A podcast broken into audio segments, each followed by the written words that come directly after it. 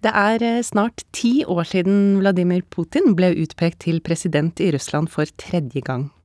Siden 2012 eh, har Russland gått i stadig mer autoritær retning. Og de som snakker myndighetene imot, anklages for å true de tradisjonelle verdiene i Russland. Men hvorfor har konservative familieverdier blitt så viktig for makta i Russland? Hva ligger egentlig i disse verdiene? Nå skal det handle om en retorikk som blant annet peker ut homofile som fienden, om den ortodokse kirkens rolle, og ikke minst hva det russiske folket mener om det hele. Du hører på Universitetsplassen, en podkast fra Universitetet i Oslo, hvor vi i dag skal til naboen i øst. Gjester er Pål Kolstø, som er professor i russlandsstudier, og Lene Wetteland, som jobber for Den norske Helsingforskomiteen en organisasjon som jobber med menneskerettigheter, annet i Russland. Dabro Pashalovat, velkommen til dere. Spasiba. Spasiba. Og jeg heter Mari Lilleslåtten. Og først, Lene Wetland. Gjennom arbeidet ditt så har jo du fingeren på pulsen når det gjelder hva som foregår i Russland. Og hvis du skal eh, trekke frem én hendelse fra den siste tiden som kan si oss noe om eh, situasjonen i nabolandet vårt, hva ville det vært? Det blir litt vanskelig å velge, men man kan jo knytte det til det valget som nettopp eh, fant sted. Det er fristende å si valg i, i gåseøyne, for det er jo veldig lite der som minner om valg, sånn som eh, vi ser det, eh, som vi opplever det. Men veldig mye av innstrammingene som har skjedd i Russland over den siste tiden, er jo rettet mot valget og har på en måte kulminert rundt der, da, selv om det er omfatter veldig mange områder. Altså kandidater får ikke stille til valg, eh, observatører får ikke observere, media får ikke dekke eh, det som skjer, eh, folk flest får ikke informasjon som, som, de trenger.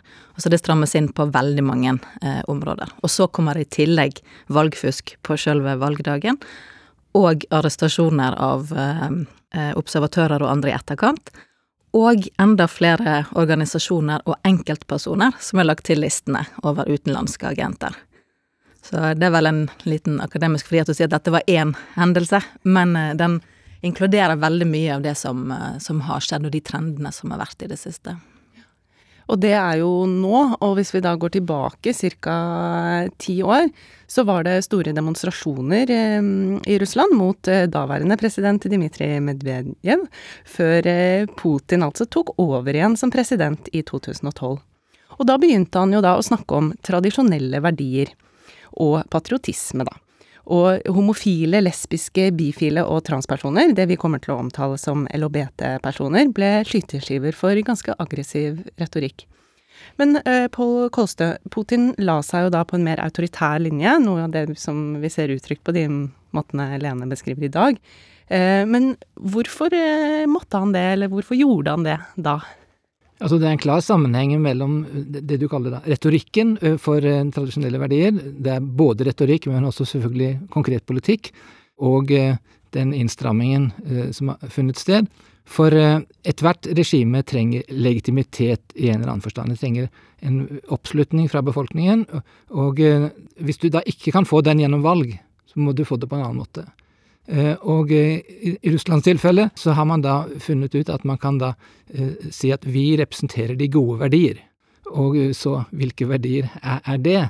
Ja, så har man da funnet, funnet et sett med verdier som på en måte ekskluderer de som protesterte mot dette valget i 2011-2012, som er de da de vestorienterte, som nettopp holder fast på vestlige demokrati, og sier at de står for gale verdier, og vi representerer de ekte, gamle russiske verdier. Eh, nå kan du si at problemet med det er jo at Russland er ikke lenger et tradisjonelt samfunn, i den forstand at det er førmoderne jordbrukssamfunn. Et moderne samfunn. Eh, slik at eh, selv om kanskje en del mennesker tenker at ja, det er noe galt med samfunnet vårt, og det er kanskje samfunnsoppløsning og kriminalitet, og man ønsker seg tilbake til sånn som det var før, så, så betyr ikke det at det nødvendigvis eh, er i det, sitt eget liv tilhenger av såkalte tradisjonelle verdier. Men for å gå litt inn i hva som ligger i denne retorikken om tradisjonelle familieverdier, Det er jo blant annet sånn at LHBT-personer er særlig utsatt for hets og propaganda som følge av denne politikken. Hvorfor slår dette an hos så mange russere? Nå kan du jo si at den tradisjonelle holdningen til LHBT eh, i eh, de fleste land i verden har jo vært veldig skeptisk eller restriktiv. Også, altså i, i, Norge så, så, ble vel homoseksualitet mellom menn avkriminalisert for 50 år siden. Eh, Riktignok hadde det vært en sovende paragraf, eh, men eh, vi, vi, måte, vi, kommer derfra alle sammen, og russerne henger litt etter. Og, men de har i godt selskap med de, de fleste land i verden, faktisk. Og eh, av de tradisjonelle verdiene som kjøres frem av Putin-regimet i dag, så er vel dette med eh, restriksjoner overfor eh, de homofile, LHBT, det som slår best an, faktisk. Der er det et klart flertall i befolkningen som stiller seg bak eh, akkurat det der. Men samtidig så kan vi vel legge til at, at det er ikke snakk om et forbud mot å være homofil. For de prøver fremdeles å fremstille seg som et demokratisk samfunn, faktisk. Men de har en annen forståelse av demokrati. Det er på en måte flertallets rettigheter i første rekke. Og eh, når det gjelder de homofile, så, så skal de da ikke få lov til å drive propaganda overfor mindreårige, etter loven. I praksis så tolkes det jo da mange steder lokalt mye eh, strengere enn som så. Ja, fordi en ting er jo retorikk og politikk, og så er det jo lover og på en måte hvordan det blir å leve i, i dette landet. Og eh, Lene Wetland, hva har konsekvensen vært av denne vendingen eller denne nye utviklingen? Eh, ja, eh, når det gjelder LHBT-personer, så er det jo òg ikke bare på dette med propaganda overfor mindreårige, der det er innstramninger. Det går jo også inn i familieliv. Muligheten til å adoptere barn, partners barn, eh, til ekteskap, til dokumentasjon, altså at ha et gyldig pass som kan gi deg grunnleggende helserettigheter osv. Så, videre. så det er jo lovgivning som går inn på veldig mange felter av hvordan man, man faktisk lever eh, i, i, i en egen familie også, i tillegg til dette med hvordan eh, skoler og andre kan bruke det, med tanke på hvordan man uttaler seg utad når det gjelder eh, LHBT-personer. Og den propagandalovgivningen, altså som, som eh, argumentet er at man ikke skal snakke og propagandere for såkalt utradisjonelle, underforstått farlige verdier eh, overfor barn. Eh, konsekvensen er jo at veldig mange barn som er usikre, og ungdom som er usikre på seg sjøl, lurer på hva, hva skjer med meg og kroppen min, ikke får den hjelpen de trenger når de føler seg eh, usikre.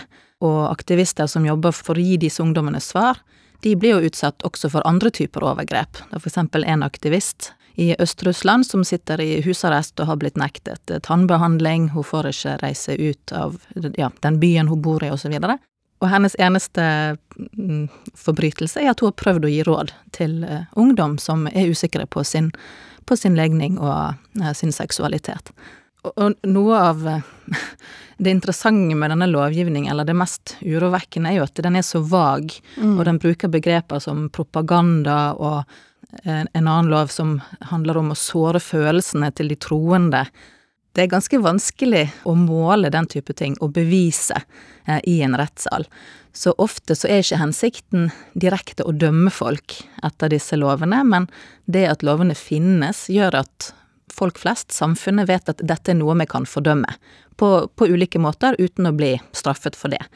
Så flere LHBT-personer er jo blitt direkte angrepet, og vet at de ikke blir straffet for det, fordi at denne loven eh, finnes, eh, og andre lover.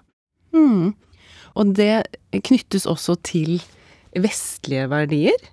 Eller hvordan ser det ut? Ja, absolutt russiske myndigheter de er litt sånn ambivalente når det gjelder er, Russland en del av Europa eller ikke. Noen ganger sier de at nei, vi er en egen sivilisasjon.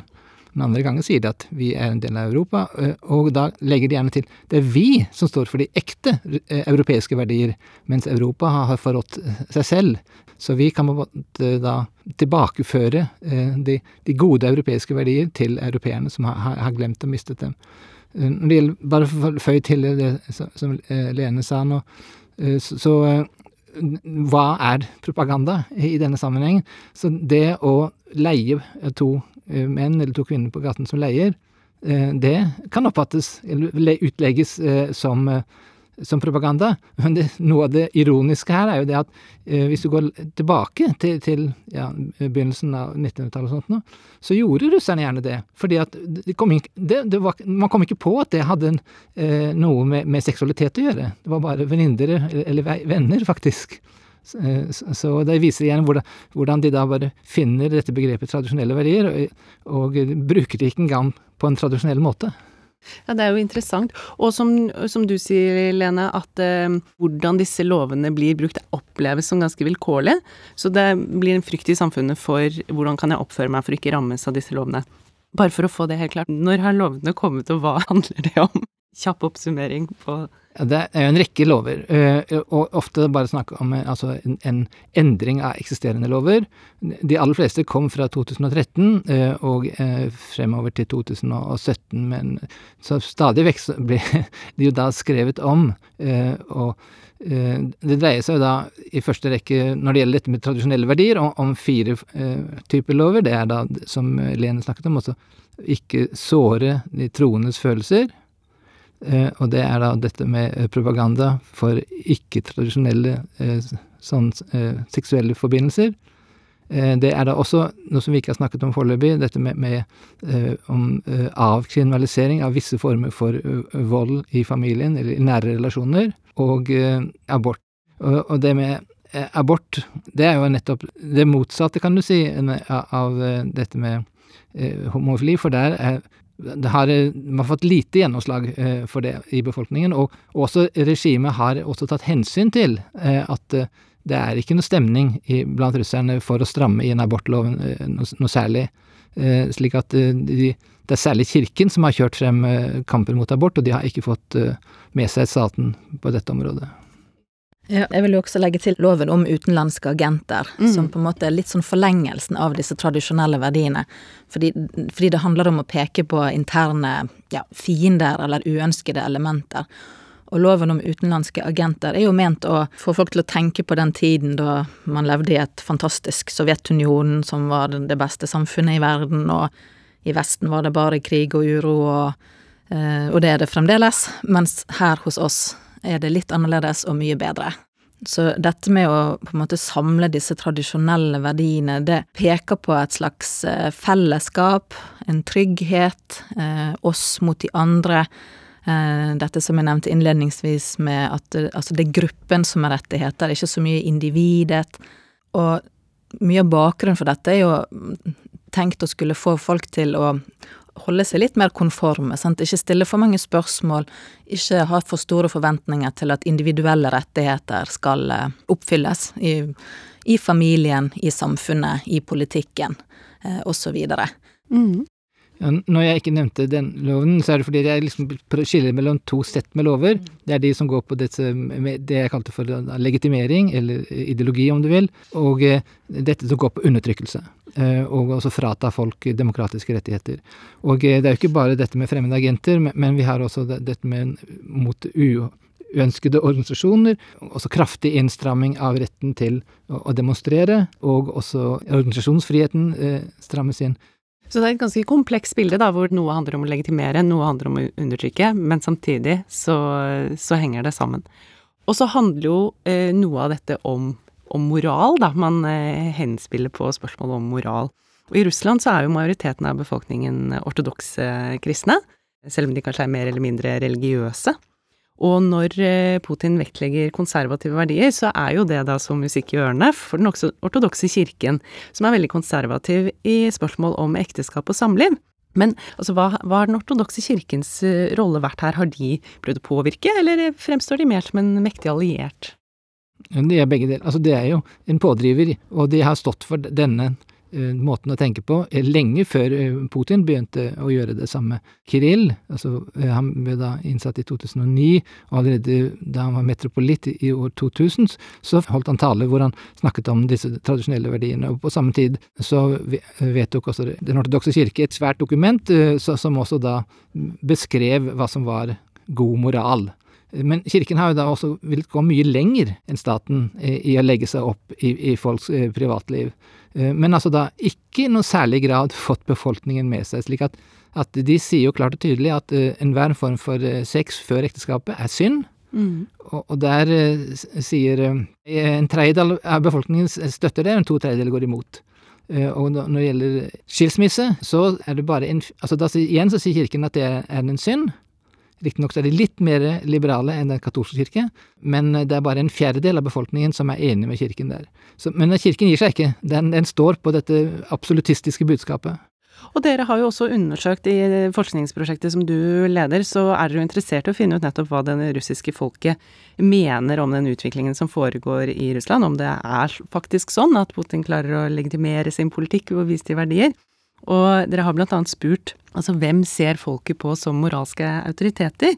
Og for den ortodokse kirken så var kanskje svaret litt overraskende, for, for hvem er det folk har tiltro til i moralske spørsmål?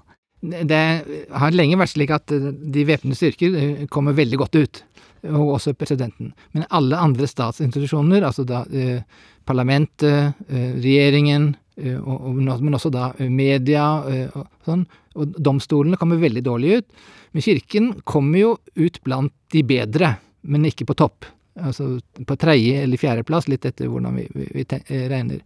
Nå kan du si at Kirken har jo gjenvunnet mye av sin posisjon fra, fra for, forrige århundre. Altså, Kirken var jo under Stalin nesten nesten utryddet frem til uh, andre verdenskrig, i hvert fall, så fikk de da lov til å åpne kirken under andre verdenskrig. Så, så de har en posisjon i dag som kanskje er faktisk på høyde med sånn som det var under tsartiden, for det var ikke alle som var like glad i kirken den gangen heller. Og, men de vil gjerne ha mer.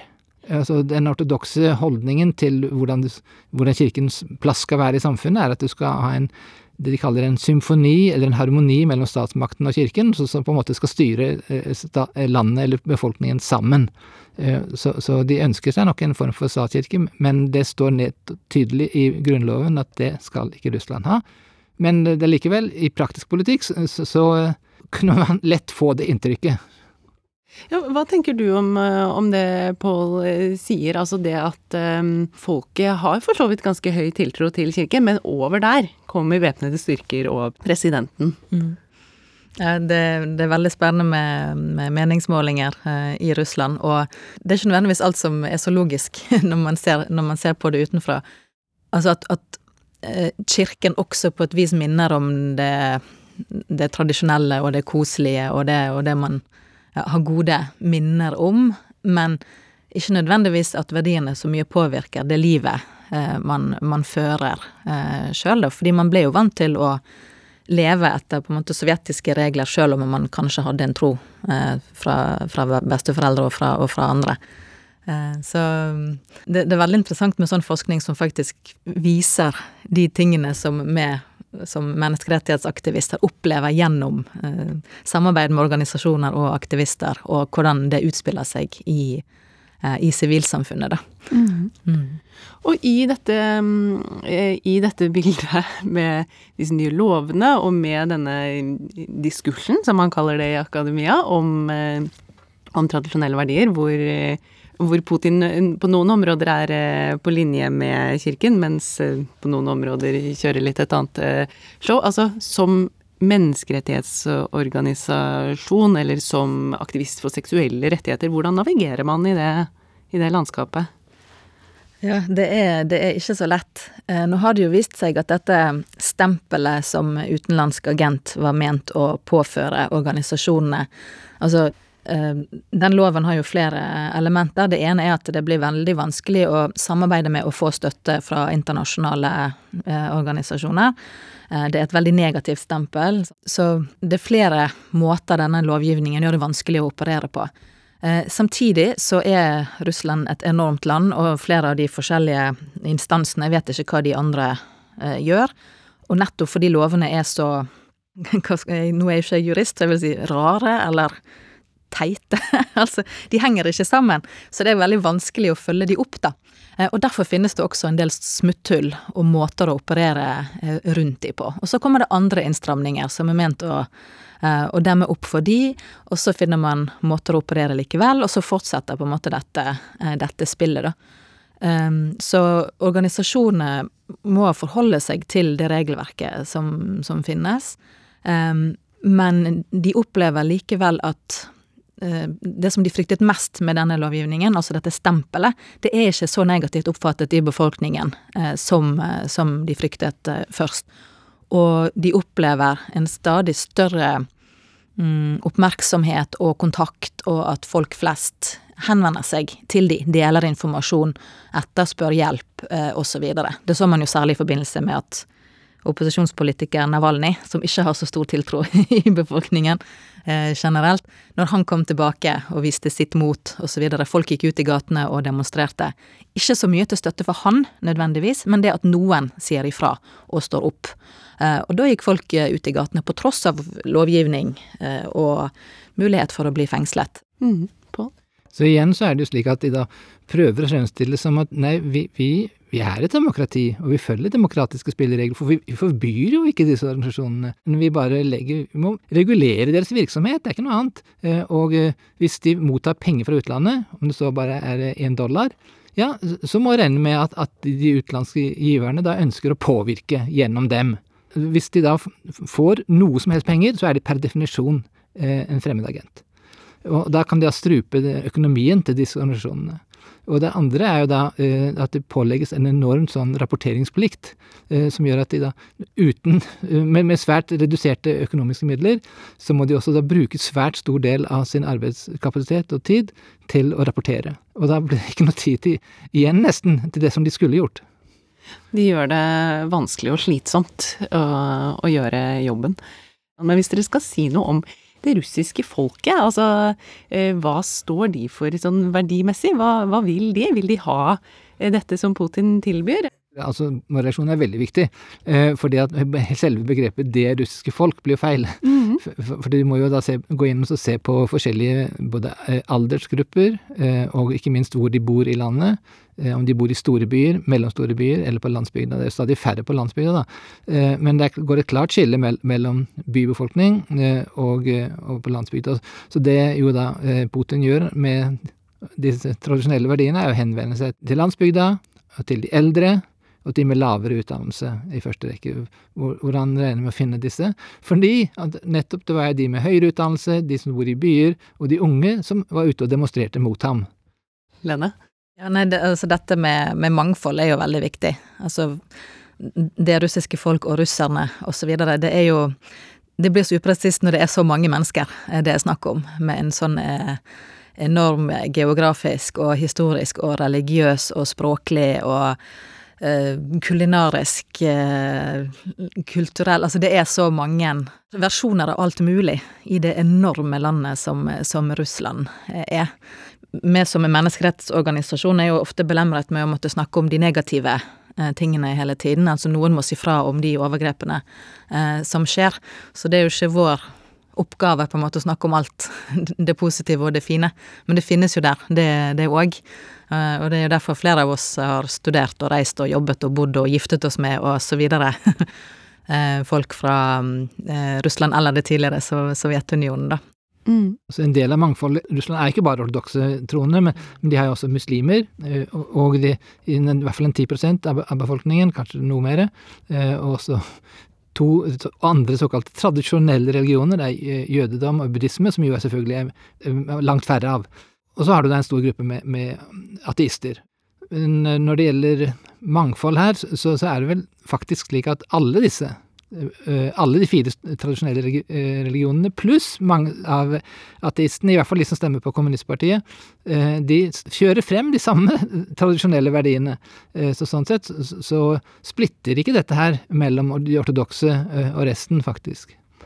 For de som representerer, eller ut, fremstår utad som talsmenn for disse forskjellige religionene, pluss også ateistene, står for, for nettopp sånne ting. Bare for å legge til en ting der med disse tradisjonelle eh, religiøse gruppene. De er jo òg Altså, de på en måte kjente, og de er, er religiøse grupper som, som, opererer på et vis som, som myndighetene eh, ja, kanskje forstår, eller vet å forholde seg til. Eh, men det er jo desto vanskeligere å være de som kalles for nye, nyere religiøse grupper. De snakker Jehovas vitner eller ulike karismatiske kristne grupperinger.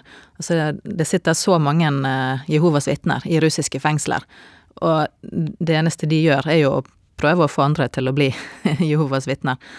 Um, men mye av kritikken eller det negative og holdningene til disse religiøse gruppene er jo mye at de, de opererer på en annen måte enn disse kjente, større kirkene eh, og ja, eh, synagoger og moskeer osv. Fordi de, de organiserer seg mer som sivilsamfunnsorganisasjoner. De har eh, advokater, de samler inn penger, de har støttespillere, de bruker sosiale medier, de når ut. Så de opererer mer som en type interesseorganisasjon, selv om altså, de selvfølgelig er tros, eh, trosorganisasjoner, så opererer de på en litt annen måte, som også oppfattes som en trussel av, av myndighetene, og som igjen passer inn i dette spillet med å fremheve de såkalte tradisjonelle verdiene og de tradisjonelle religionene, for mye av tankene rundt eh, moral og etikk er jo ganske like da, i disse, disse religionene. Dette at det ble definert fire tradisjonelle religioner, det er jo da før Putins tid. Det kom religionsloven i 1997, så det er da en arv fra, fra, fra Jeltsin-tiden. Og da ble den loven, ikke minst fordi at den ortodokse kirke jo hadde en, en hånd på rattet der, Eh, definert slik at eh, alle disse vestlige eh, kirkene som hadde da som en horde ved altså Sovjetunionens fall, de ble, fikk en helt annen, mye lavere status og muligheter for å, for å virke i, i Russland. Ikke sant. Og, og, Putin har jo i løpet av sin tid som president gjennomført en endring i, i Grunnloven, som gjør at han kan jo sitte som president frem til 2036, hvis han vil. Så, så kan det jo hende at han kaster inn håndkleet før han blir eh, 83. Men eh, hva skjer nå? Er det, er det, håp for russerne om at eh, landet kan bli mer liberalt igjen? Jeg, siden jeg jobber eh, der jeg gjør, med det jeg gjør, så, så, jeg kaller meg vel for en optimistisk realist, eller en realistisk eh, optimist. Altså, man kan alltid Altså, vi ser så mange positive trekk både i hvordan sivilsamfunnet opererer, hvordan folk flest tenker og deltar eh, på en annen måte. Det er selvfølgelig også elementer i myndighetene, i de forskjellige institusjonene og eh, rettsvesen og skole og andre som, som, tenker annerledes og vil gjøre endringer. Og fra 2012 og fram til nå, på, på tross av alle disse innstramningene som er kommet, altså både konkret mot forsamlingsfrihet, mot organisasjonsfrihet, mot muligheten til å lese uavhengig informasjon osv. Likevel så benytter folk seg av, av denne muligheten. Eh, på, altså, selv om organisasjoner har fått så store begrensninger på hvordan de opererer, så fortsetter de. For det er ikke pengene som driver de. Det er ønsket om å forandre Russland og gjøre det til noe bedre for alle russere. Um, så det er Vi forholder oss til at ja, det strammes inn, men det er fordi myndighetene ser at de holder på å miste kontrollen, at folk flest vil ha endring. Myndighetene vil ha status quo, folk vil ha endring. Og det kommer de til å få, men ikke veldig snart. Men snart nok. mm. Hva tror du på? Ja, disse demonstrasjonene som var i 2011 og 2012, det var jo et forsøk på å styrte regimet. Det var helt eksplisitt av det de ønsket, og det lyktes ikke den gangen. Den type eh, regimeendring tror jeg nok ikke vi vil få grunnen, kanskje, til at uh, Putin da, liksom har gitt seg selv muligheten til å sitte til 2036, det er at uh, erfaring fra andre land er at en trussel mot et sånt regime som ikke baserer seg på demokratiske valg for legitimitet, det, er hvis den som sitter på toppen, går av. Derfor kan du få en suksesjonskrise, som man kaller det. Derfor må man da sørge for at man har sånn lederskifte så sjelden som overhodet mulig. Så det er en del som mener at han godt kunne tenke seg å, å, å godte allerede nå, men at uh, det er folk rundt ham som sier at uh, du, det, det må, kan du ikke, for, for, da risikerer vi at alt sammen rakner. Så at uh, regimet har kanskje ikke så mye selvtillit som det kanskje kan se ut til. Med det så sier vi tusen takk for at dere kom til Universitetsplassen. Lene Wetland, eh, seniorrådgiver for den norske Helsingforskomiteen, og Pål Kolstø, professor i russlandsstudier og leder for forskningsprosjektet Verdibasert regimelegitimering i Russland her på Universitetet i Oslo. Du har nå hørt en episode av Universitetet i Oslo sin podkast Universitetsplassen. Her deler forskere ved UiO forskningsfunn og fagkunnskap i samtale med aktuelle gjester. Abonner på Universitetsplassen i podkastappen din, og anbefal oss gjerne til en venn. Tekniker i dag var eh, Mari Lesteberg, produsent Yvonne Petrén. Som programleder har du hørt meg, Mari Lilleslåtten. Takk for at du hørte på.